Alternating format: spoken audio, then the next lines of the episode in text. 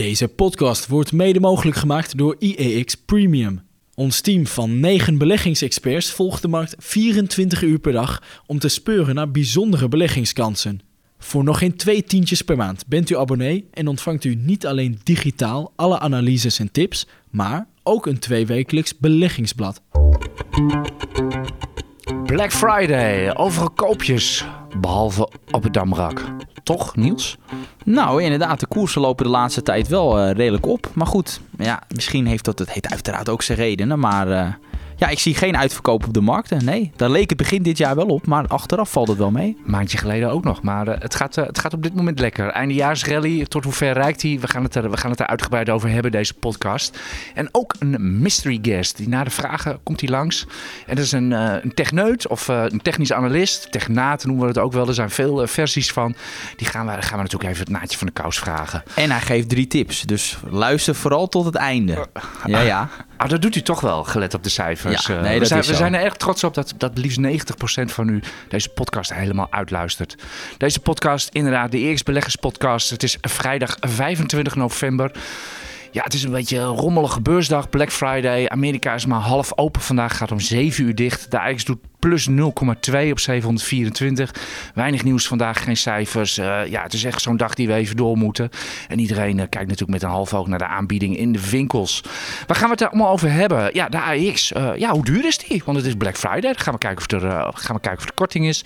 Sowieso een beetje over de brede markt. Wat, er, ja, wat we betalen voor aandelen op dit moment. Hoe ver die rally nou strekt. We gaan het hebben natuurlijk. Daar is deze podcast beroemd om. We gaan het hebben over aandelen. PostNL moeten we het over hebben. We gaan het hebben over HAL. Die hadden nog even cijfers van de week.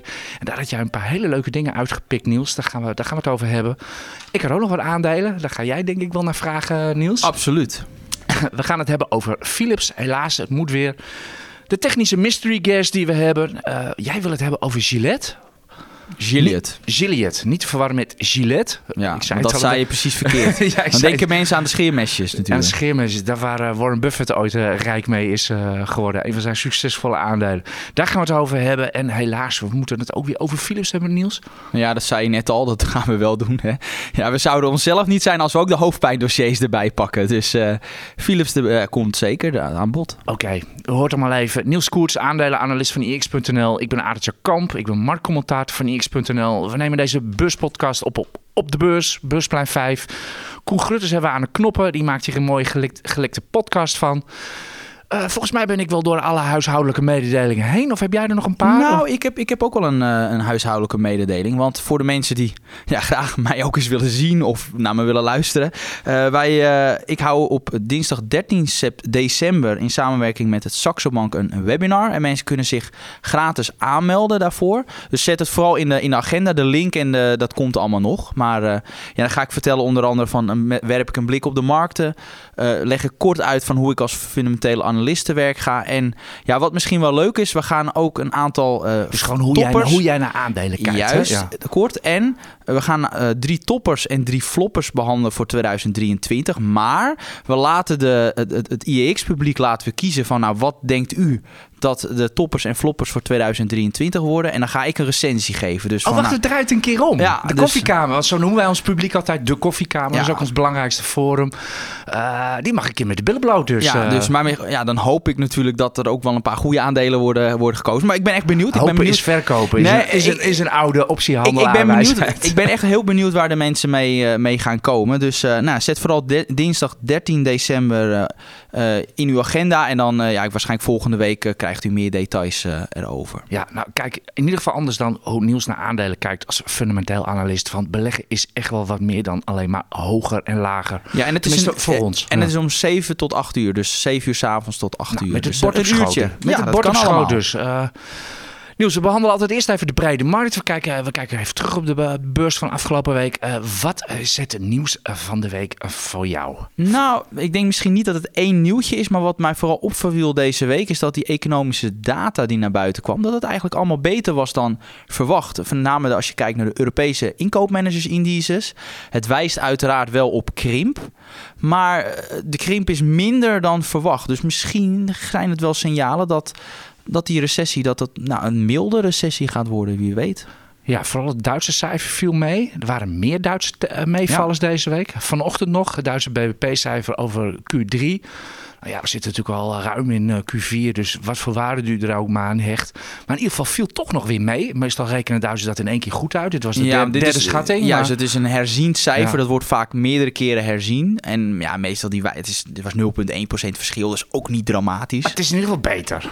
Ja. De producentenprijzen van de week in uh, andere inflatiecijfer in Duitsland viel ook mee. En uh, er was, was er ook IFO-index. De IFO-geschäftsklima, ja, zoals die voluit Misschien heet. wel interessant voor mensen om te weten wat houdt die IFO-index in. Want het is een hele belangrijke mate voor macrocijfer. Dus of je dat zou willen, willen uitleggen. Uh, dat is Duitse bedrijf, uh, Onder, ondernemersvertrouwen. En als dat natuurlijk zwak is, dat ondernemers geen vertrouwen meer in hebben, gaan ze ook minder produceren. En wat blijkt dat die IFO-index is vaak een hele mooie indicator met hoe, hoe de, de Duitse economie gaat verlopen. Dus het het is een voorloper op het Duitse BBP-cijfer. En omdat het vooruit kijkt, zijn dat, is het een macro waar beleggers heel veel op, op uh, toch wel naar kijken en wij ook. Ja, het is ook een cijfer over november deze maand. Dus, dus niks terugblikken of wat dan ook. Daarom kijken we ook altijd veel liever naar dit soort cijfers. Income managers indices. Uh, maar ook de, de, Philadelphia Fed Index, de New York Fed Index. Dat zijn gewoon cijfers over de huidige maand. En daar heb je gewoon veel meer aan om het economische momentum uh, te duiden. Klopt. En dat on Duitse ondernemersvertrouwen is nog wel gewoon ja, slecht. Dus het is wel pessimistisch. Alleen je ziet de laatste maanden wel dat het verbetert. En ook beter dan verwacht. En, en daar kijk je natuurlijk naar als het beter is dan verwacht ja, dan reageerden daar de koersen naar. Omdat dat misschien een signaal is dat dan die economische krimp, wat er uiteraard aan gaat komen de, de komende twee kwartalen, dat dat misschien wel gaat meevallen. Ja, wat niet meeviel, regelrecht tegenviel, waren de Amerikaanse inkoopmanagers indices. En wellicht dat vandaar ook de, de dollar weer wat zwakker is en uh, de euro stijgt. Er staat alweer 1,04 op het uh, euro-dollar bord. Uh, de rente is ook weer afgekomen.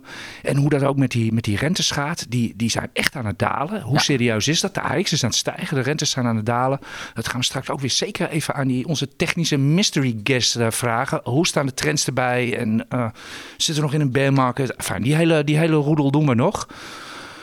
we noemen het al even, de, de naam vet viel al even geloof ik. Waar ja, de, die vetnotulen. Ik vond er niks bijzonders aan. Ja, jij vond het niets. Maar wat ik toch wel veel las, was dat er toch, wat eruit blijkt, dat het toch redelijk duif En dat was natuurlijk wat we eerder natuurlijk ook al zagen, dat toen dat rentebesluit uitkwam, dat de toon of de, van het persbericht was redelijk duif.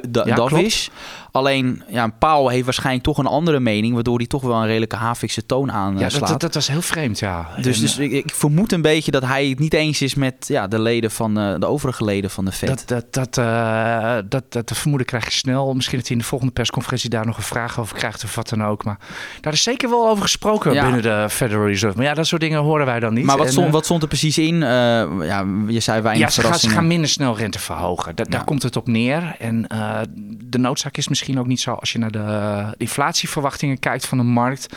Ik zet ze vaak op Twitter of in onze stukken. Dat, treft u dat uh, minstens één keer per week komt u dat wel tegen. Die lopen gewoon terug. De, de trends zijn omlaag. Voor de dollar meer dan voor de, voor de euro. U weet waarom.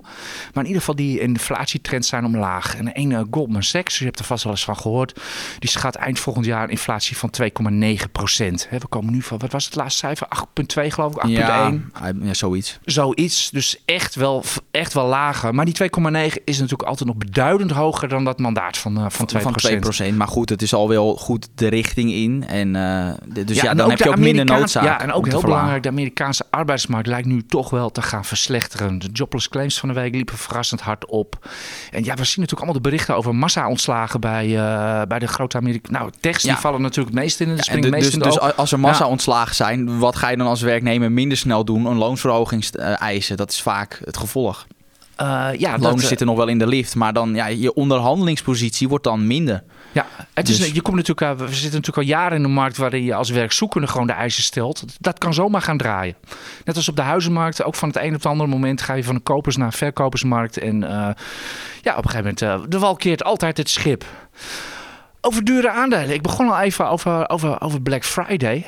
Nee, jij moet mij nog mij naar het nieuws van de week vragen. Helemaal, helemaal vergeten. jij, jij, jij, bent natuurlijk de man die de markt in de gaten houdt. Nou, gewoon heel spontaan. Wat was nou uh, jouw nieuws van de week? Ja, dit is eigenlijk een heel klein nieuwtje uit de kantlijf van de beurs. Maar ik vind hem heel typerend. Carl Icahn, wie kent hem niet? Dat is een van Wall Street's bekendste beleggers. Zeer oude man, in dezelfde generatie als Warren Buffett. Een hele sluwe oude, oude vos is het gewoon. Die is short GameStop, Niels gewaagd. Want dat, dat hebben in het verleden een aantal mensen ook geprobeerd. Alleen ja, die zijn van een koude kermis thuisgekomen. Ja, toen kregen we die short squeeze. Anderzijds, ja, die fundamentals van, van GameStop zijn natuurlijk dramatisch. Dus puur vanuit fundamentele basis snap ik dat wel. Alleen zelf, ik hou er gewoon niet van, omdat je verlies is onbeperkt. En je wil, als je, ja, je wil toch, die risico-rendementsverhouding moet goed zijn. En met dat soort aandelen, het kan een keer zo erg tegen in, inlopen. Ik vergeet nooit meer in het verleden toen met Imtech, ja, waar komt hij weer? Dat toen uh, deden ze een hele erg... Imtech waren hele, hele wijze beurslessen. Juist, uh, toen, dat was op een gegeven moment hadden ze een emissie gedaan. Of zouden, en, en toen zou het aandeel was eigenlijk intrinsiek maar 1 cent waard. Het opende op 3 cent. En dan zou je denken, het was zo duidelijk dat het 1 cent eh, waard was. Iedereen was het erover eens. Als je dan short ging op 3 cent, ja, dan denk je nou, naar 1 cent, daar ging je uiteindelijk wel heen. Maar tussentijds stond er ook 80 cent op het bord. Dus als je dan 3 cent short gaat, ja, dan ben je gewoon bijna, je bent zo'n 25 keer je inlegt. Dus stel dat jij 25 margin calls Dat is het ding. Dus stel dat jij 1000 euro short gaat. Ja, op een gegeven moment is die short posities dan ineens 25, moet je voor 25.000 euro terugkopen. Ja, als jij dan niet genoeg geld hebt, ja, dan word je gedwongen om op een heel hoog niveau om die aandelen terug te kopen. En ik, ik wil zo'n situatie, zo'n margin call altijd voorkomen. En hoe voorkom je dat? Door gewoon niet short te gaan. Dus uh, ja, ik bedoel, ik zie ook Air France KLM. Ja, ik zou dat ook wel dat aandeel heel makkelijk short willen gaan. Alleen ik weet dat dat soort type aandelen, er kunnen de gekste dingen gebeuren. Uh, dat ik denk van nou, ik, ik, ik, ja, ik, ik hou mijn handen ervan af. Die ene keer dat ik daar iets mee heb gedaan, dat was een constructie dat je geen geld kon verliezen. Ja, dat komt bijna nooit voor. Oh ja, die, van een paar ja, met die, die soort ook nog. CFD's nou en dan. maar goed, dat is zo'n ingewikkeld iets. Dat, dat, ja, dat was dan voor de premium leden. Had ik het wel uitgelegd, dan kon, je, kon ik daar de tijd voor nemen. Maar voor een podcast gaat dat iets te ver. Maar dat maakt dat ik altijd voorzichtig ben met, uh, met short gaan. Hoe, ja, ja, ik bedoel, Carnival, ook zo'n zo'n cruise operator. Ja, ook dramatische fundamentals. Maar ik ga gewoon niet short.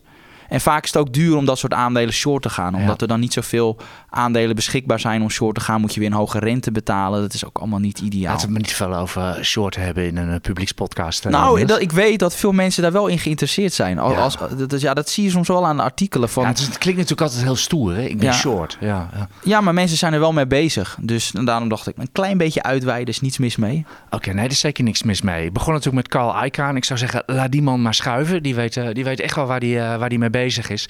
Ik vind, ik vind het ook wel een beetje symbolisch. Hè? De, de, die GameStop, ja, Frenzy, die, die meme stock aandelen. Hype van januari is dat alweer twee jaar geleden.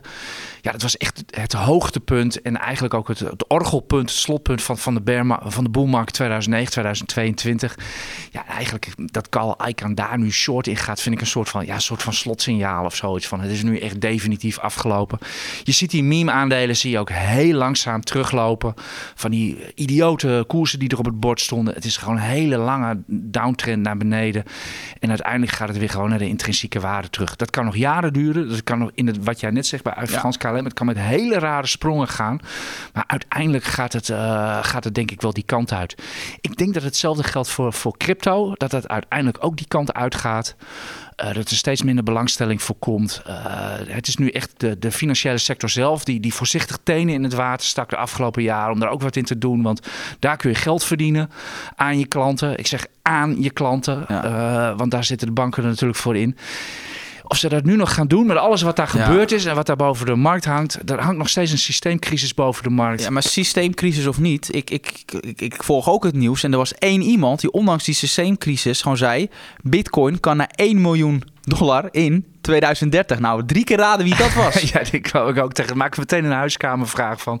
Dat was natuurlijk Katie Wood van, uh, van de Arc Innovation Fund. Maar ook gewoon erbij zeggen 2030. Dus als, ja, zolang dan heb je de komende vijf jaar in ieder geval geen vragen. Want dan is het nog geen 2030. Ik vind dat zo slecht. Dat, soort, dat, hey, dat is gewoon, gewoon maar wat noemen. Ja, ik vind dat echt dramatisch. Ja, dat was, was een Bloomberg-artikel. Inderdaad, die hadden de koersdoelen voor Bitcoin uh, verzameld. En die zaten tussen 5000 en 1 miljoen. Ja, maar echt als, je, als jij een stel, hè, want zij is fondsmanager. Stel dat jouw fondsmanager dit doet zou ik meteen al mijn posities bij dat beleggingsfonds verkopen.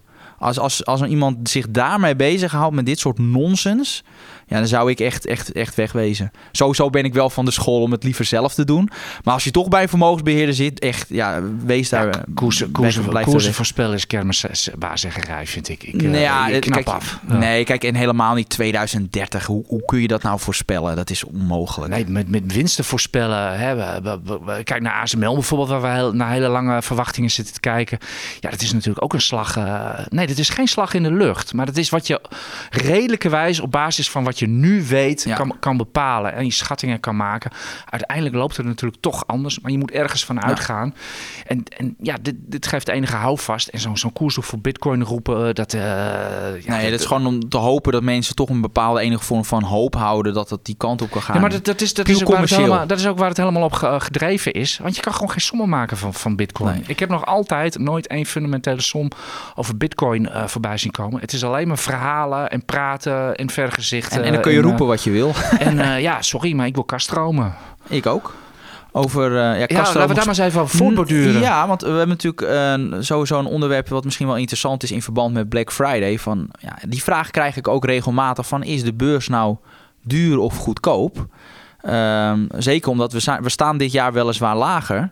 Maar dat hoeft niet altijd te betekenen dat aandelen ook goedkoper eh, worden. Het heeft een aantal redenen. Sowieso moeten als de winsten met een gelijk, eh, een gelijk percentage omlaag gaan, ja, blijft de waardering sowieso gelijk. Maar je moet ook kijken naar, naar de rente. Omdat als de rente stijgt, eis wil je ook gewoon een hoger rendement behalen op aandelen. Omdat obligaties een aantrekkelijker alternatief worden. En wat je zag, kijk, afgelopen jaar was die rente in Amerika zelfs maar iets meer dan 1%. En dat was ver onder het eh, langjarige gemiddelde. Dus dan is het vrij logisch dat aandelen duurder zijn, omdat ja, er zijn geen alternatieven. En dat is nu wel het geval. Eh, dus was het, is het misschien wel interessant. Ik heb er, ik heb er eigenlijk altijd drie maatstaven om een inschatting te maken of aandelen in zijn algemeenheid eh, duur of goedkoop eh, zijn. Eén, dat is eh, de, de Schiller PE. En dan zullen mensen denken, ik heb hem misschien wel eens gehoord. Maar wat houdt het in? Nou, dat is eigenlijk dat je kijkt naar de winsten van de afgelopen 10 jaar en dan inflatie gecorrigeerd. En op basis daarvan komt er dan een koers-winstverhouding uit. En ja, wat je ziet is dat die Schiller PE nu bijna twee keer zo hoog ligt als gemiddeld. Dus daaruit kun je concluderen eh, ja, dat aandelen relatief duur zijn. Ik zie jou een gezicht trekken van ik ben het hier niet mee Nee, eens. ik ben het hier helemaal niet mee eens. Ik vind die fossiele. PI vind ik een onding. Eh, nou, Eh. leg uit. leg uit. Als er één keer een, een uitschieter in zit, bijvoorbeeld eind 2008 zaten de analisten volledig verkeerd met hun schattingen. Ja. Maart 2020 zaten ze ook volledig verkeerd met hun schattingen, omdat die, ja, er kwam wat voorbij fietsen. Ja, maar dan heb je... En dan is die, PI, die Chile PI is vervolgens voor tien jaar lang weer helemaal ja, maar jij, hebt het over schattingen, maar je kijkt terug. Dus het, is, het gaat over Oh, ja, maar dat is ook wel even lager. Jawel, maar dan nog, kijk, je hebt ook die 2000, op zich die winsten waren in 2020 nog best nog wel goed. Alleen 2009 was een echt een uitschieter. Maar daarom kijk ik ook het afgelopen 10 jaar en kijk je, je trekt het ten opzichte van de mediaan. Dat is het middelste getal in van de afgelopen 200 jaar. En dan is die Schiller PE is ongeveer gemiddeld zo'n, eh, ja, ligt die, is die de helft lager dan wat die nu is. Dus de beurs is eigenlijk in dat opzicht, vanuit die maatstaf, twee keer zo duur. Er zijn wel een aantal redenen voor, daar heb ik het zo over. Uh, dan heb je nog aan de andere kant heb je ook de gewone koerswinstverhouding. Als je echt kijkt naar de afgelopen 12 maanden, dan zie je ook uh, dat, dat aandelen toch wel wat duurder uh, zijn dan, ja, dan, toch dan gemiddeld. Dus, dus dat is iets. En, en die laatste, ja, dat, die zal bijna niemand kijken. Dat heet de Wilshire 5000 to GDP. Dus die kijkt dan naar de waarde van de uh, beursgenoteerde ondernemingen, de 5000 grootste beursgenoteerde ondernemingen in de Verenigde Staten. En dat deel je dan door, de, uh, door het bruto binnenlands product van de VS. En die verhouding, als die, als die ratio hoog is, dus en dat is nu ook het geval ongeveer, die ligt op de 1,6. En als je, als, als je dat vergelijkt met het gemiddelde van 0,9, zo zie je dus ook dat verhoudingsgewijs dat, die, uh, dat aandelen op drie maatstaven, dus die PE, de gewone koers-winstverhouding en die Wilshire 5000, ja, dat die, uh, dat, die, dat, die, dat, dat die markten toch gemiddeld gezien duur zijn. Wat zegt dat nou? nou dat is, het zegt niet van dat je dan nu je aandelen moet verkopen. Dat is niet de, wat ik wil vertellen. Het enige wat ik daarmee zeg is dat de kans groot is dat de toekomstige rendementen lager liggen dan het historisch gemiddelde. Dat is, dat is in feite dat is wat ik daarmee wil aangeven. Ehm, dus, want het is niet zo dat er ineens die waardering uh, volgend jaar ineens heel hard omlaag gaat. Want je ziet de laatste tien jaar zie je dat die uh, aandelenwaarderingen al sowieso hoger liggen dan gemiddeld. En ik heb daar wel een aantal uh, ja, argumenten voor. En, en een belangrijke is dat er bijvoorbeeld dat het steeds toegankelijker is geworden voor mensen om, om te beleggen. Dus meer volume, dat komt de waarderingen ten goede. En ook dat actieve beleid toch van centrale banken en overheden, dat die schokken in de economie toch meer gedempt zijn. En dat dat daardoor ook het risico om te beleggen daardoor lager is. Het is natuurlijk wel zo, dit is natuurlijk een uitzondering. Als, ook, als, we kijken naar de inflatie, is dat natuurlijk vrij hoog. Maar echt, als je kijkt naar de afgelopen 10, 15 jaar, is dat echt een uitzondering. En is zeker als je het vergelijkt met voor de Tweede Wereldoorlog, is, is er toch veel meer sprake van prijsstabiliteit. Dat is, dat is een hele leuke die je zegt. Wat dat betreft heb ik voor de, voor de luisteraars een tip. Google even op Dow Jones 1789 en dan op afbeeldingen. Dan krijgt hij een teruggerekende Dow Jones te zien, inderdaad 1789. En die stuurt hij echt in twee delen. Tot, tot en met 1930, zeg maar, de, de beurskracht toen, is het boom of bust. Maar uiteindelijk gaat die markt niet zo heel snel omhoog. En na de Tweede Wereldoorlog is het inderdaad een veel gestagere lijn, veel minder boom en bust. Maar gaan de beurzen wel harder omhoog. Dat heeft ongetwijfeld te maken met natuurlijk de hele snelle technologische ontwikkeling die we natuurlijk sinds de oorlog hebben gehad. He, van 1600 tot 1800 gingen we van windmolen naar windmolen. En in 1800 begonnen met de stoommachine. We hebben nu een iPhone. Uh, dus dat is echt heel hard gegaan. Dat, dat, dat speelt een rol, maar ook dat institutionele beleggen, maandelijks gestaag geld wat de markt in komt, pensioenfondsen, verzekeraars, banken, dat dempt gewoon al die, al die wilde bewegingen. En ik denk ook de democratisering. Ik bedoel, vroeger tot eigenlijk wel een beetje tot 2000. Het jaar 2000 was beleg echt voor de elite. Anders kon je, gewoon, anders kon je het gewoon niet betalen. Nee. Al die kosten, et cetera. Ja, nu kan iedereen uh, met, met al een paar tientjes per maand kan iedereen beleggen. Het is geweldig ja. gedemocratiseerd.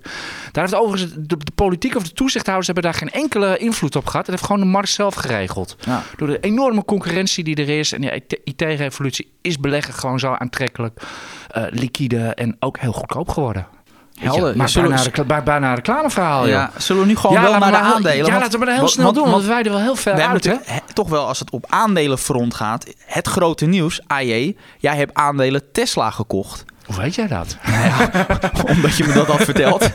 Nee, maar ja, wat, wat bezielt je om aandelen Tesla te laten ja, kopen? jij moet, als ETF-belegger. Ja, je moet, je moet je bijna verklaren. Uh, nou, ETF, ik ben ETF-belegger plus. Inderdaad, er zit het grof, gros van mijn geld in. Maar jij zegt al een hele tijd tegen me, ah, jij, uh, je moet meer in aandelen gaan zitten. Je, je porto is groot genoeg, het is leuk en het is inderdaad waar. Ik, heb een hoop geld zitten in ETF's, dat geeft mij wat ruimte. Heb ik zelf besloten om ook wat leuke dingen te gaan doen. Dus ik pluk her en der eens wat aandeeltjes op. Uh, ik had inderdaad, uh, er waren nog maar een paar. Ik had inderdaad als Shell, ING en uh, ASML. En van ASML wil ik eigenlijk nog wel wat meer als het nog daalt.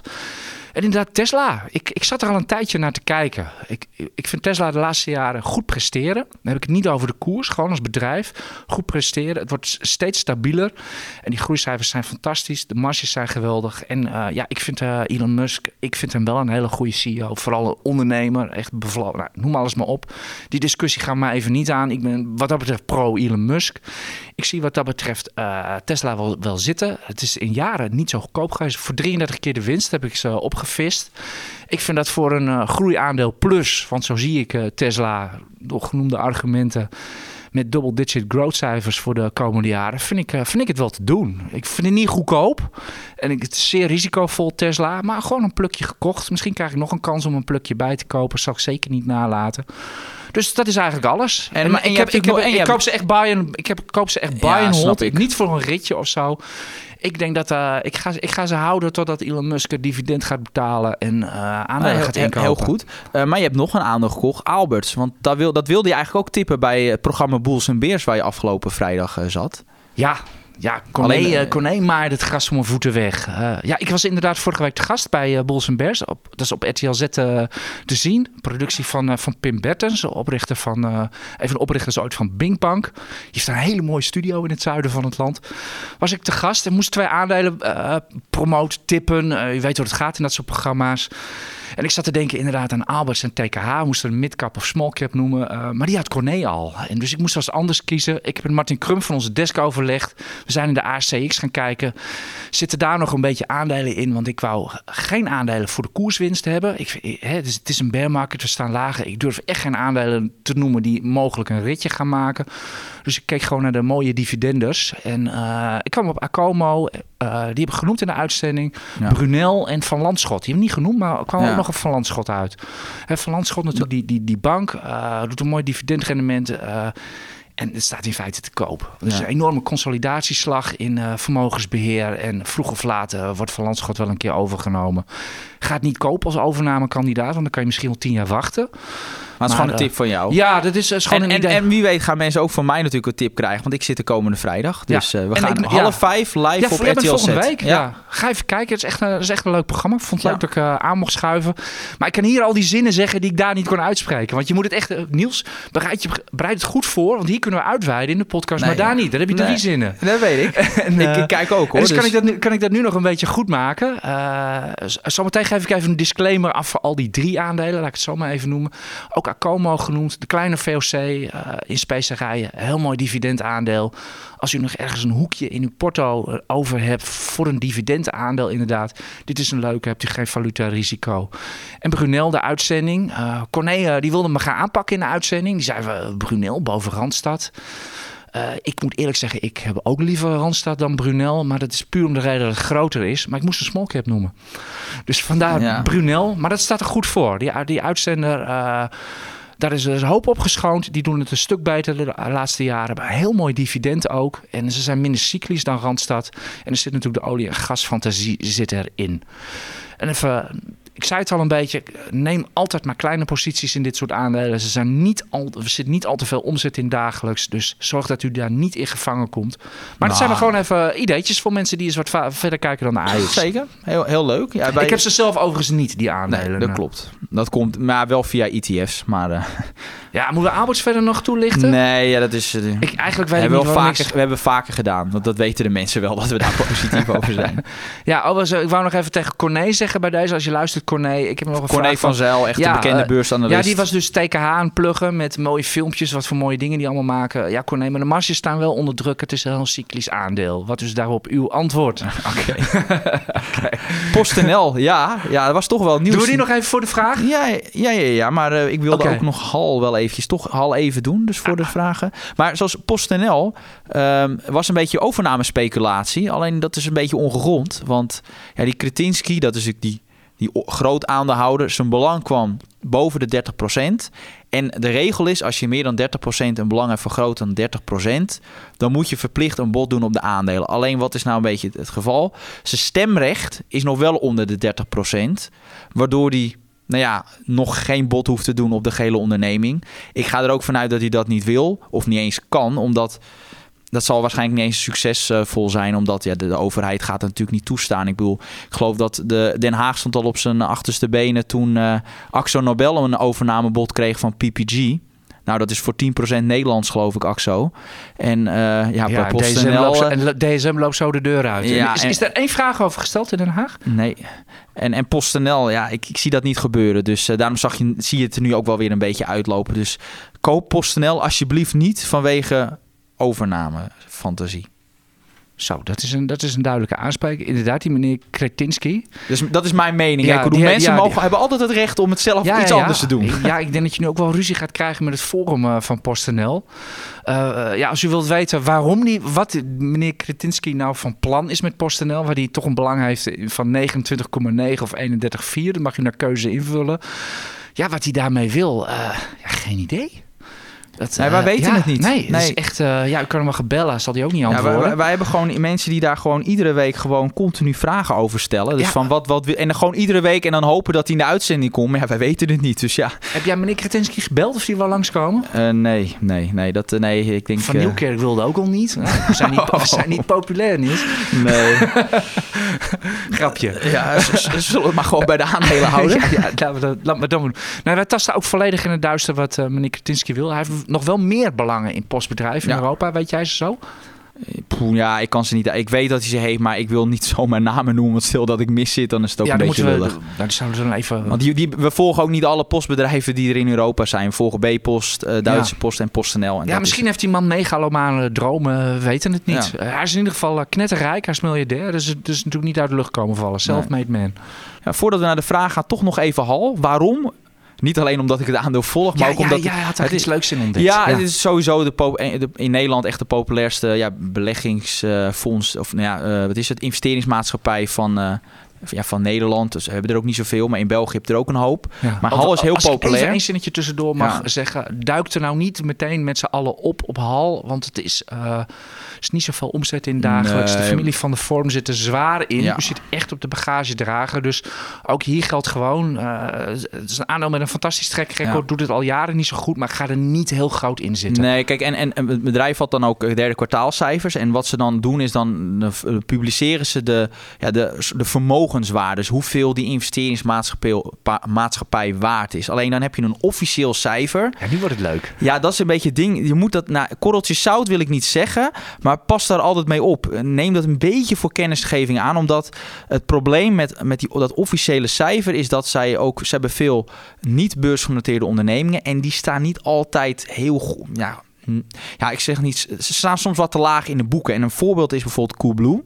Dit, Coolblue, de webwinkel. Ik heb dit, dit, dit aandeel of dit, dit bedrijf met 72% afgewaardeerd. Dat is nogal fors. Ja, maar die, aandelen in die, in die sector zijn toch dat percentage gedaald dat, is, klopt. Ja. En dan zou je denken, ja, Hal heeft dat niet gedaan.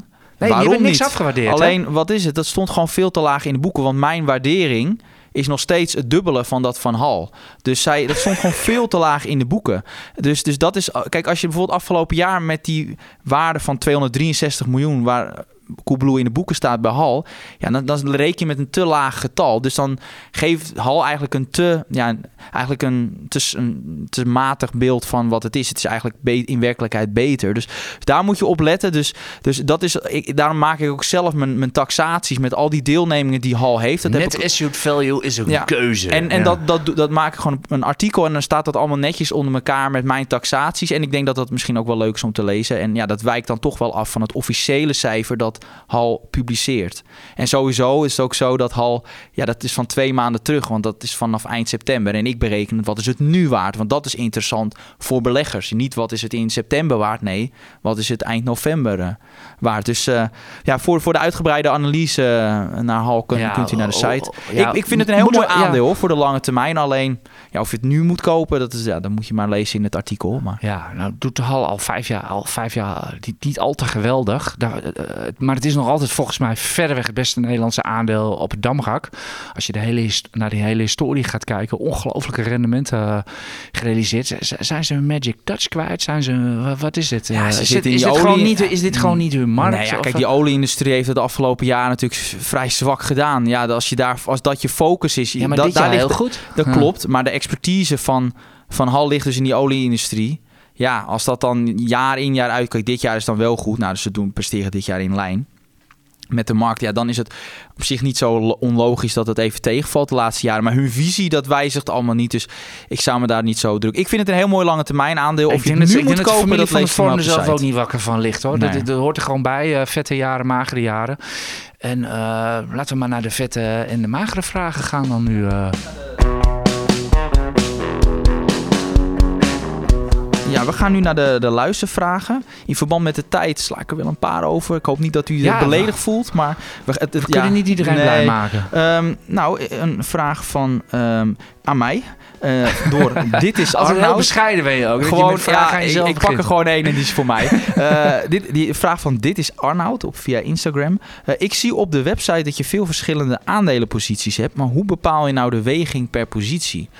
Dat vind ik een mooie vraag. Ja, ja nou, sowieso. ehm, meestal, ik zeg altijd, een gemiddelde positie bij mij is meestal een weging van 4% van mijn beleggingsportefeuille. Ik heb dan wel heel veel aandelen verhoudingsgewijs. Bij gewone particuliere beleggers is eigenlijk raad ik aan maximaal 20. Alleen eh, wat ik dus naar kijk is, ehm, ik heb een enkele positie die 10% van mijn portefeuille zijn. Dus hele grote posities. En dat kan eigenlijk alleen als ze het relatief stabiele bedrijven zijn. Die laag gewaardeerd zijn en waar ik echt veel kansen zie. Dus Tromgeroffel nog Zeer- een paar. eh nou, één van de fondsen voor Deutsche Telekom. Nou, dat is, da- daar heb ik een, een, weging van circa 10%. Dat is echt omdat ik daar eh, ja, gewoon eh, de risicorendementsverhouding dusdanig gunstig vind. Dat je- ik daar een grote positie in neem. Oké, je en neemt kleine- je on- ja, je, je noemt het aan de vaak in deze podcast, Ja. maar je geld zit er dus ook Ja, echt en, in. en die, Ja. dat aandeel staat nu ook geloof ik op het hoogste niveau sinds de internet-CBL. Dus dat, dat gaat goed. En bij de, de kleinere bedrijven, of de kleine posities, dat zijn vaak groeibedrijven waar ik wel eh, wat in zie. Maar ja, waar het risico ook veel groter, eh, waar het risico veel groter is. En daar neem ik dan kleine posities mee. En gemiddeld is het dan 4% per posities. Maar dat, dat kan dus afwijken. Dus zoals een, eh, eh, zoals ik heb bijvoorbeeld een, een belegging in Uber. Ja, dat is, dat is, ja, dat is anderhalf procent van mijn beleggingsportefeuille. Ja, die is ook heel goed gegaan. Maar dat is, ja, dat is maar zo'n klein deel dat je dat bijna niet merkt. Maar je doet toch mee. Dus Jij hebt toch ook Tesla's? eh, klopt. Dat, maar dat, ja, die is nog maar ook maar, die is nu ook anderhalf procent. Maar dat was 2,5. Maar ja, dat zie je dat als het zo hard daalt, ja, dan gaat ook die weging omlaag. Dat is ook je altijd weet het wat fijne. ik nu ga vragen. Nou, Hoeveel hebben je ze gekocht?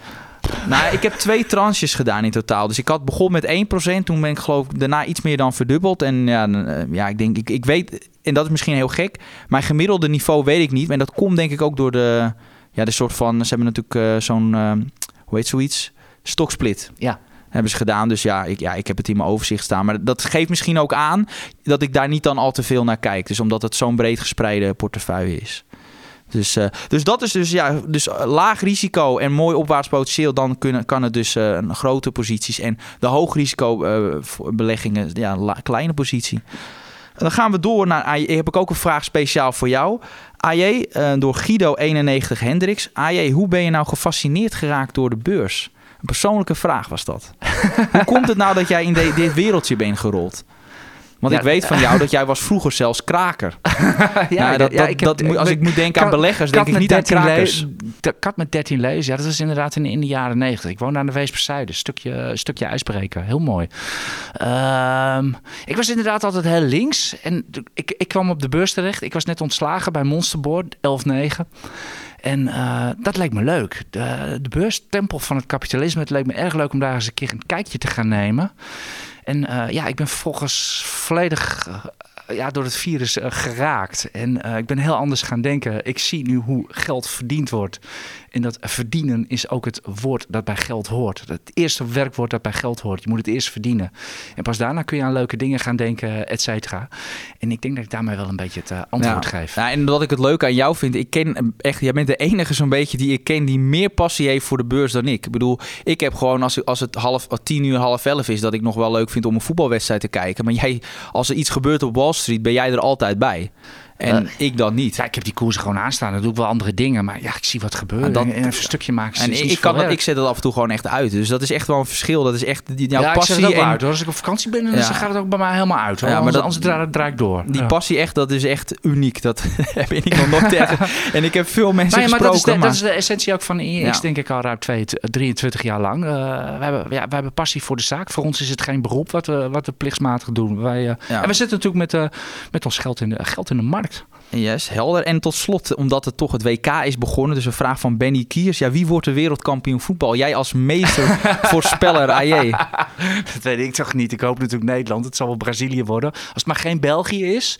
En eh, morgen kijk je gewoon lekker rugby. Engeland, Zuid-Afrika. Veel Ja. leuker dan het voetballen. Ja, nou ja, ik, ik ben wel voetballiefhebber, alleen ik boycott het. Dus, eh, Ja, maar dan boycott het echt, ja. ja, dus het is eh, wel heel moeilijk hoor als voetballiefhebber om niets te zien. Heb je die goal van die Brazilianen gezien? Nou Ja, die heb ik dan wel via zo'n samen... Ja, dat je dat kijkt. Je, ja, alle nieuwsmedia die heeft dat. Dan ga je toch even kijken. Dus maar als- zonder te kijken, maar dus hecht er absoluut geen waarde aan. Ik denk een mooie outsider Portugal. Oh nee.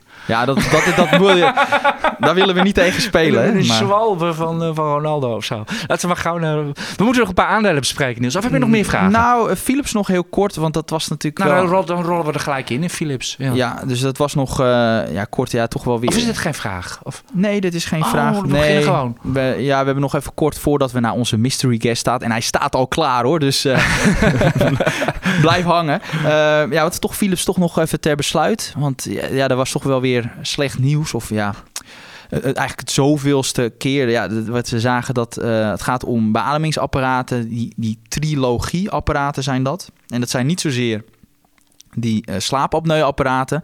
Maar die waren dus gerepareerd. Alleen een deel daarvan bleek toch dat er alsnog vuiltjes in zaten.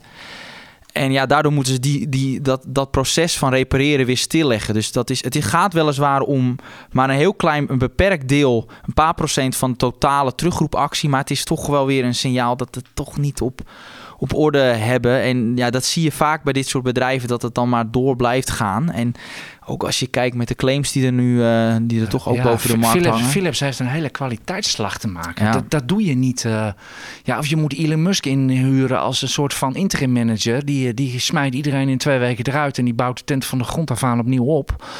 Maar dit gaat, dit gaat, dit, dit gaat denk ik nog wel, even, dit gaat denk ik nog wel even duren. Maar ja, uh, dus, zeker in zo'n organisatie als Philips, dan ga je dat niet zomaar, denk ik hoor. Nee, heel lastig. Ja, het is natuurlijk het hoofdpijndossier van, ja, Philips van en, de vuil, en de vuiltjes. Ja, dat is ook wel het verhaal van 2022. Dus, uh, dat is heel pijnlijk. Ik, ik, ik zei het net ook, ook nog voor de, voordat we deze podcast gingen maken tegen je van... Uh, ja, eigenlijk, het loopt een beetje synchroon. Sinds wij deze podcast maken is het eigenlijk mis bij Philips. We hebben het er heel vaak over. En ik heb er in al die tijd nog nooit één goed woord over gehad, bij wijze van, voor Philips. Ondertussen koopt ze wel in de gebaand. Ja, want ze zit in mijn AX-trekker en ze zit ook in de Wereldindex.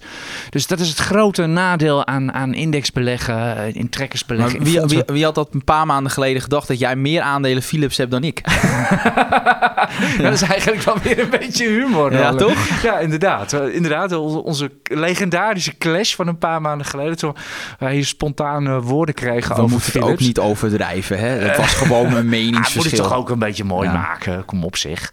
En uh, zijn we er doorheen? Nee, we hebben nog... Uh, ja, dat bedoel ik, want dan, kunnen, dan kunnen we onze mystery case. Ja, juist. Tromgeroffel. Kom er maar in. Welkom Wouter Slot namens de Tostrams.nl, ofwel de beroemde website van Royce Tostrams. Jij werkt voor, uh, jij werkt voor Royce Tostrams en jij hebt groot nieuws. Ja, dankjewel voor uh, je introductie, uh, AJ. Nostradamus spreekt. ik, heb, ik heb Royce ooit eens de bijnaam Tostradamus gegeven. Die vond hij erg leuk. Klopt, ja, die hoort hij nog wel vaker volgens mij. die is okay. wel blijven hangen. Uh, ja, we hebben zeker groot nieuws. Ehm, het heeft even geduurd, maar de tostrams.nl website is inmiddels volledig vernieuwd. Dus we hebben een volledig nieuw platform met eh, met flinke uitbreidingen van, uh, van ons aanbod. En, en doet technische analyse, hè? Ja, dus ja, wat ja, mensen op die website kunnen vinden. .nl is een, is een website voor, voor technische analyse. Um, dus wij, uh, wij bestuderen de grafieken en op basis daarvan uh, proberen wij uh, patronen te herkennen, trends te herkennen. En aan de hand daarvan geven wij adviezen. Ja, dat is echt een groot verschil natuurlijk met fundamentele analyse. Wij kijken echt van naar, naar waarderingen, kaststromen, groei en ontwikkelingen als het gaat om ja, dat soort zaken, fundamentals, marges natuurlijk. En jij kijkt vooral naar het koersontwikkeling en de patronen die je daarin ziet en of je uit de koersontwikkeling of je daar iets kan opmaken wat het in de toekomst de koers gaat doen. Ja, klopt. Ja, eigenlijk wat wij als technisch analisten altijd zeggen is van alle informatie die, die er bekend is, zit al verwerkt uh, in de koers. Um, en uiteindelijk gaat beleggen om uh, ja, geld verdienen aan de hand van, van koersstijgingen. Uh, dus als je alleen maar daarop let, dan zou je al genoeg moeten weten om geld te kunnen verdienen op de beurs. Heel simpel gezegd. Ja. En, en, als je dan zeg maar, de trends kan herkennen, bepaalde koerspatronen kan herkennen. En, en, en naar welke patronen, waar kijk jij naar? Nou, voor ons is eigenlijk uh, het belangrijkste zijn, uh, is echt de koersontwikkeling. Dus met indicatoren doen wij niet eens zo heel veel. Uh, dus we kijken vooral naar trends. Mm -hmm. en dan, dan, kijken we naar toppen en bodems. Dat zijn ja. eigenlijk zeg maar, de golfbewegingen in zo'n grafiek. Uh, en aan de hand daarvan uh, kunnen wij uh, opmaken wat voor trend er bij een aandeel is of bij een, bij een ander instrument. We kijken ook naar crypto's, naar valuta's, grondstoffen, indices.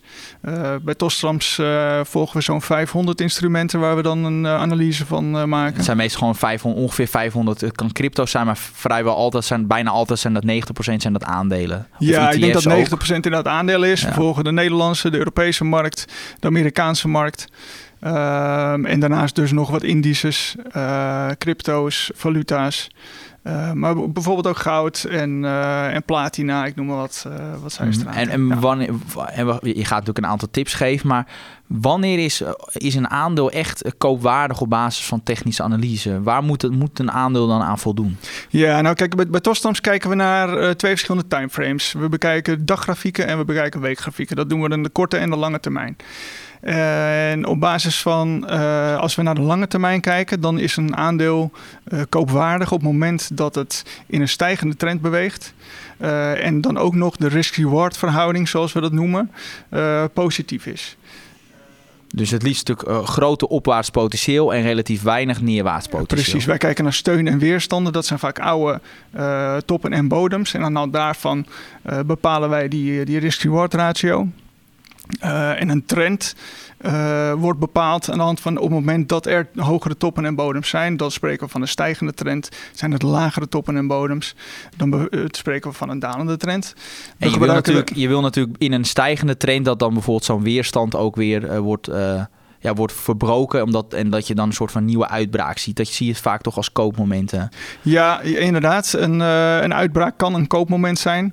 Op alleen op het moment dat je een uitbraak hebt, dan is het natuurlijk een neerwaarts risico naar je laatste mm -hmm. bodem wat groot. Dus het liefst wachten we dan nog even zeg maar, een pullback af naar dat oude uitbraakniveau.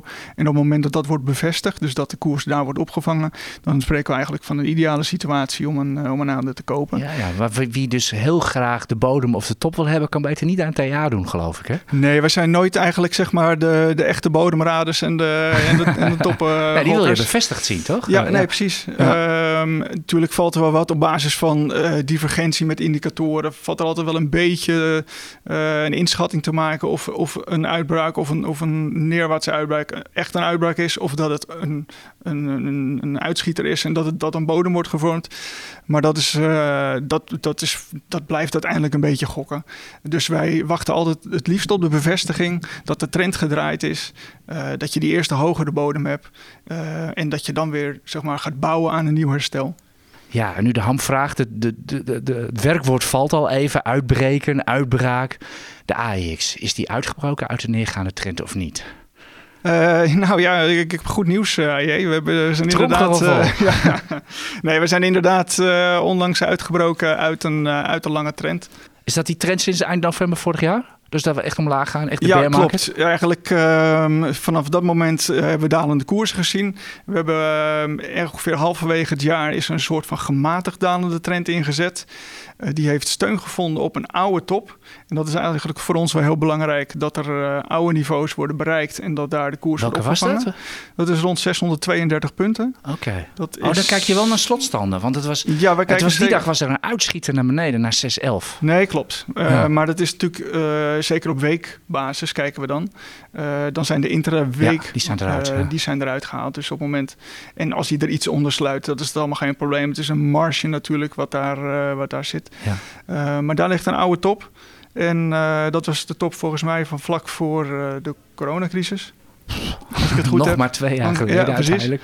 En daar is hij nu mooi op opgevangen. Uh, en is die dalende trend afgebroken. De koers is ook zelfs boven zijn 200 dagen lijn, wat voor ons uh, een heel belangrijk ja, 200 uh, dagen gemiddelde is dan, uh, kan je dat uitleggen voor de, want ik denk dat veel mensen denken een 200 dagen lijn, wat houdt dat in?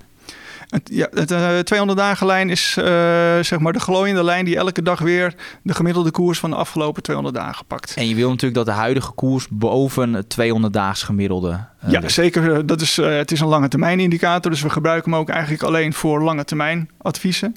Um, en dan uh, kijken we naar, voor een, voor, zeker voor een stijgende trend, moet de koers boven zijn 200 daags gemiddelde bewegen. En de, 200, de richting van het 200 daags gemiddelde moet ook stijgend zijn. Ja. En als er dan hogere toppen en bodems uh, worden gevormd, dan is dat voor ons de extra bevestiging dat het uh, ja, nou, Ik ga even mooi terug naar de realiteit van de dag met die gemiddelde, et cetera. Ik heb al hier al de AX gevraagd, dan wil ik ook onze rente weten. Onze 10-jaars rente, die, ja, die, ja. die, die, is, die is wat lager aan het neigen. Hoe staat die ervoor? Wat is de trend? Nou ja, in principe uh, is de trend nog steeds wel uh, opwaarts gericht. Uh, we hebben zeker de afgelopen weken een, een aardige correctie gehad. Maar die correctie is nog steeds binnen de stijgende trend. En het patroon van hogere toppen en bodems, ja, ook bij de rente kijken we daarnaar. Ja, ja. Wil je een bevestiging in de rente zien ook van de, van de AX? Of... Kijk je niet zo Nee, ver? dat, dat, dat, eh, Dat doe je niet, nee. Nee, want zeker op lange termijn zie je dat die dingen niet altijd, zeg maar... eh, Nee, wat dat betreft is in- dit jaar echt eh, uniek. dat is zo ja. gespiegeld eh, bewegen. Precies. Dus vandaar ook dat Ja. ik je vraag. Nee, en ook de ik heb rente genoeg eh, gevraagd. ik, ik, ik, ik zie Niels al popelen. Die wil die tips van je Ik wil een weten. aantal tips weten. Wat Tips, is, binnen ja. de AX, wat is jouw favoriete eh, Grafiek? Ja. grafiek? Ehm, nou ja, we- kijk, eh, voor de mensen die geïnteresseerd zijn, we op tostrams.nl eh, hebben we heel veel eh, mooie grafieken. Eh, ik heb er eentje voor je meegenomen. Tenminste, ik heb drie mooie tips voor je meegenomen. Ehm, de eerste die ik eh, heb is eh, Unilever. Ehm, Unilever is uit een hele lange dalende trend. zijwaarts als de eh, neten, man. Unilever. Inderdaad, maar zelfs in een zijwaartse eh, fase, wat op hele lange termijn zijwaarts is, valt er natuurlijk best wel wat geld te verdienen. Ehm, er is een, eh, een hele, eigenlijk van de afgelopen jaren een soort neerwaartse trend geweest. Heel gematigd, maar wel duidelijk neerwaarts. Daar zijn we onlangs uitgebroken en we hebben dus eh, weer een hogere bodem nu gevormd boven eh, de laatste toppen. En ook boven de 200 dagenlijn, wat dus dat signaal is dat het voor ons weer omhoog gaat. En de afgelopen weken is Unilever al wat verder opgelopen. En we zien daar nog wel wat meer eh, ruimte omhoog. Oké, dat is wel grappig. Dat is een aandeel die ook een beetje bij mij op de radar staat. Maar dat is meer omdat ik verwacht dat er volgend jaar echt veel aandeelhoudersrumoer gaat komen. Want er gebeurt gewoon niks daar bij dat fonds. Nee, ja, ze hebben natuurlijk wel een activistische aandeelhouder, maar die is, nog, die is nog niet heel actief. Nummer twee. Nummer twee. Nummer twee, ja, dat, is een, eh, dat is eigenlijk eentje voor de korte termijn. Daar kijken we juist eh, op dagbasis naar. Eh, en dat is ArcelorMittal. Ook een leuk handelsfonds. Veel beweging vaak. Zeker, zeker. Ehm, het aandeel is ja, ook op de lange termijn verbeterd, omdat het inmiddels alweer boven zijn 200 dagenlijn beweegt en uit de lange termijn dalende trend gebroken is. En dan zien we op korte termijn dat er een hele mooie herstelbeweging heeft plaatsgevonden. En die consolideert nu een beetje. Maar die consolideert boven de vorige top. En dat is eigenlijk dus een terugtest van de uitbraak. Eh, en op korte termijn verwachten we daar nog wel eh, wat meer van. En er is best wat opwaartspotentieel. Oké. Weet je, dat is ongelooflijk. is. ArcelorMittal is het meest cyclische fonds in de, in de AEX. We staan aan de vooravond van een recessie. En dan kijk je blijkbaar tegen zo'n grafiek Ja, maar dat is, ook, dat is het leuke. Ja. Van, eh, ja, Wouter kijkt natuurlijk naar, Ja, die naar trends. anders, en die kijkt niet naar de, naar de fundamentals. Dus ja, ik vind dat wel, wel interessant. Dat, Ja, is, ja, dat, is, dat is het leuke aan de beurs toch ook. We hebben allemaal verschillende Ja. manieren om, om die, dat kreng van een beurs te tackelen. Zeg nou, maar. jij, zegt we staan aan de vooravond van een recessie. Eh, ik moet eerlijk zeggen, de grafieken wijzen inmiddels eh, eh, erop dat we, dat we die toch voorlopig even niet meer zullen krijgen. Ehm, en het lijkt er zelfs op dat we gewoon weer de komende periode, zeker voor een langere periode zelfs, weer omhoog kunnen gaan kijken. Dat, dat zijn berichten die we graag horen. Dat zegt ik, niet dat ik hoop we... ontzettend dat, dat- je gelijk gaat krijgen. Ja, zeker. ik niet. Dat, ik ben eigenlijk eh, best wel bearish. Dus eh, Ja, nee, je hebt er nog eentje voor Dat ons. hebben wij voorlopig eh, niet op de radar. Eh, ja, de laatste. Dat is er eentje die is nog niet uitgebroken. Maar we zien we wel wat, eh, wat interessante Dat signalen. is voor de early adapters. Precies. Eh, en dan zou ik gewoon zeggen van... eh, kijk vooral op uh, tosstans.nl eh, om te kijken of er al een, eh, een uitbraak plaatsvindt. Eh, en dat is Egon. Kijk. Die heeft Niels, dus die zal dit met plezier horen. Ja, ik heb Ja. ze zelf ook sinds kort eh, gekocht. Dus, eh. Kijk, nou, dat is helemaal geen verkeerde beslissing. Beetje vroeg, maar eh, er zit wel wat aan te komen. Nee, Egon heeft het afgelopen jaar echt een heel volatiel koersverloop laten zien. En eh, wat, wat we eigenlijk zien is dat die, die uitslagen wel steeds kleiner werden. En op het moment dat zo'n soort, dat noemen we dan een driehoekspatroon. En op het moment dat zo'n driehoekspatroon plaatsvindt na een stijging, dan is de kans eh, aannemelijk dat we eh, weer aan de bovenkant van die driehoek gaan uitbreken. En die oude stijgende trend weer gaan oppakken. En inmiddels zijn we dus al opwaarts uit die driehoek gebroken. Dus het eerste signaal eh, hebben we dat het verbetert. We noteren ook weer bovenste 200 dagenlijn. Eh, het is alleen nog wachten op die hogere bodem boven die 200 dagenlijn. Eh, en zodra die wordt bevestigd, dan, eh, dan wordt dat, eh, geeft dat eigenlijk een koopsignaal voor, voor de langere termijn. Ik neem niet aan dat jij bij Egon ook naar de Amerikaanse rente kijkt. Nee, we combineren dat, dat niet allemaal. In dit geval is het puur, gaan we er ook vanuit, dat zoals ik eigenlijk al in het begin zei, dat dat soort zaken allemaal zit verwerkt Ja, al in de ja. koers. Oké, Eh, ja, ik en- denk, ik kijk naar die Amerikaanse rente. Ik denk, nou, misschien maar even geen Egon nu. Als je tenminste echt heel kort wil spelen. Fundamenteel vind ik, ben ik ook enthousiast over Egon. Dus het komt niet vaak voor dat eh, de technische analyse dat het echt eh, dat, dat, dat overeenkomt met de fundamentele analyse. Want vaak zie je dat de adviezen ja, afwijken van elkaar. Maar bij Egon zitten we dus wel, uh, Ja, wel ja. gelijk. Dat is mis- misschien ook meteen een antwoord op een vraag die veel mensen hebben. Hoe kan het dat een technisch analist ergens een koop in zit en een fundamentaal analist een verkoop? Dat is precies om deze reden. Toch? Andere methodiek. Oké. Wouter, ontzettend belang. bedankt dat je hier even langskwam. Heel veel succes met, uh, met, uh, met Tostrans.nl. Ziet er inderdaad uh, fantastisch uit. Jij wil nog wat zeggen? Ik wil nog heel graag wat zeggen. Geen uh, groeten doen. Nee, ten eerste hebben we een hele mooie actieaanbieding nu voor iedereen die geïnteresseerd is in uh, Tofstrams. de komende eerste drie maanden uh, voor 29,95. Uh, en daarnaast tientje per maand. Een tientje per maand. En daarnaast hebben we nog een, uh, een hele mooie Sinterklaasactie. Dus er is een nee. prijsvraag. Juist, nou brand maar los. Kijk, de, we kunnen straks, waar het uh, artikel wordt geplaatst op ja. IX van de, van de podcast, daar staat uh, een enquête. Um, en daar kunnen, kan iedereen um, gokken op de slotstand van de AX op 5 december. En iedereen kan tot 1 december meedoen. Um, en Gokken, degene... dat is toch gewoon een keuze, jongen? Nee, maar je kan meedoen en degene die het dichtst bij zit, die de, krijgt... De vijf uh, oh. luisteraars die het dichtst bij zitten, uh, die krijgen een jaarabonnement ter waarde van 299,95 op tostrams.nl. Dus ga vooral naar de website ix.nl waar we de podcast... Ik denk dat we misschien ook even een linkje in de podcast zelf ja, naar, de, naar de website... zelf even op een mooi Black Friday uh, cadeautje. Mag ik ook zeggen. meedoen? nee, nee, nee, jij Oh. niet.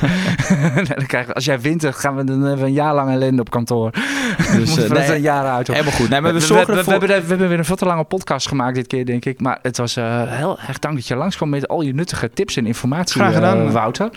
Jij ook weer bedankt, Niels, voor al je, voor al je kennis en, uh, kunde. Ik wens je heel veel succes komende weken op de beurs. De laatste weken van het jaar. Dat de eindejaarsrally maar mogen doorzetten. Tenzij u short zit natuurlijk. Dank voor het luisteren en tot volgende week. Nog even een reminder. Wilt u de analyses en kooptips van Niels Koerts en de acht andere beleggingsexperts ontvangen? Dat kan. Voor nog geen twee tientjes per maand bent u abonnee en blijft u digitaal constant op de hoogte van de nieuwste analyses en tips. Daarnaast valt er elke twee weken een gloednieuwe editie van het IEX magazine op uw deurmat. Meer weten? Ga naar iex.nl/podcast.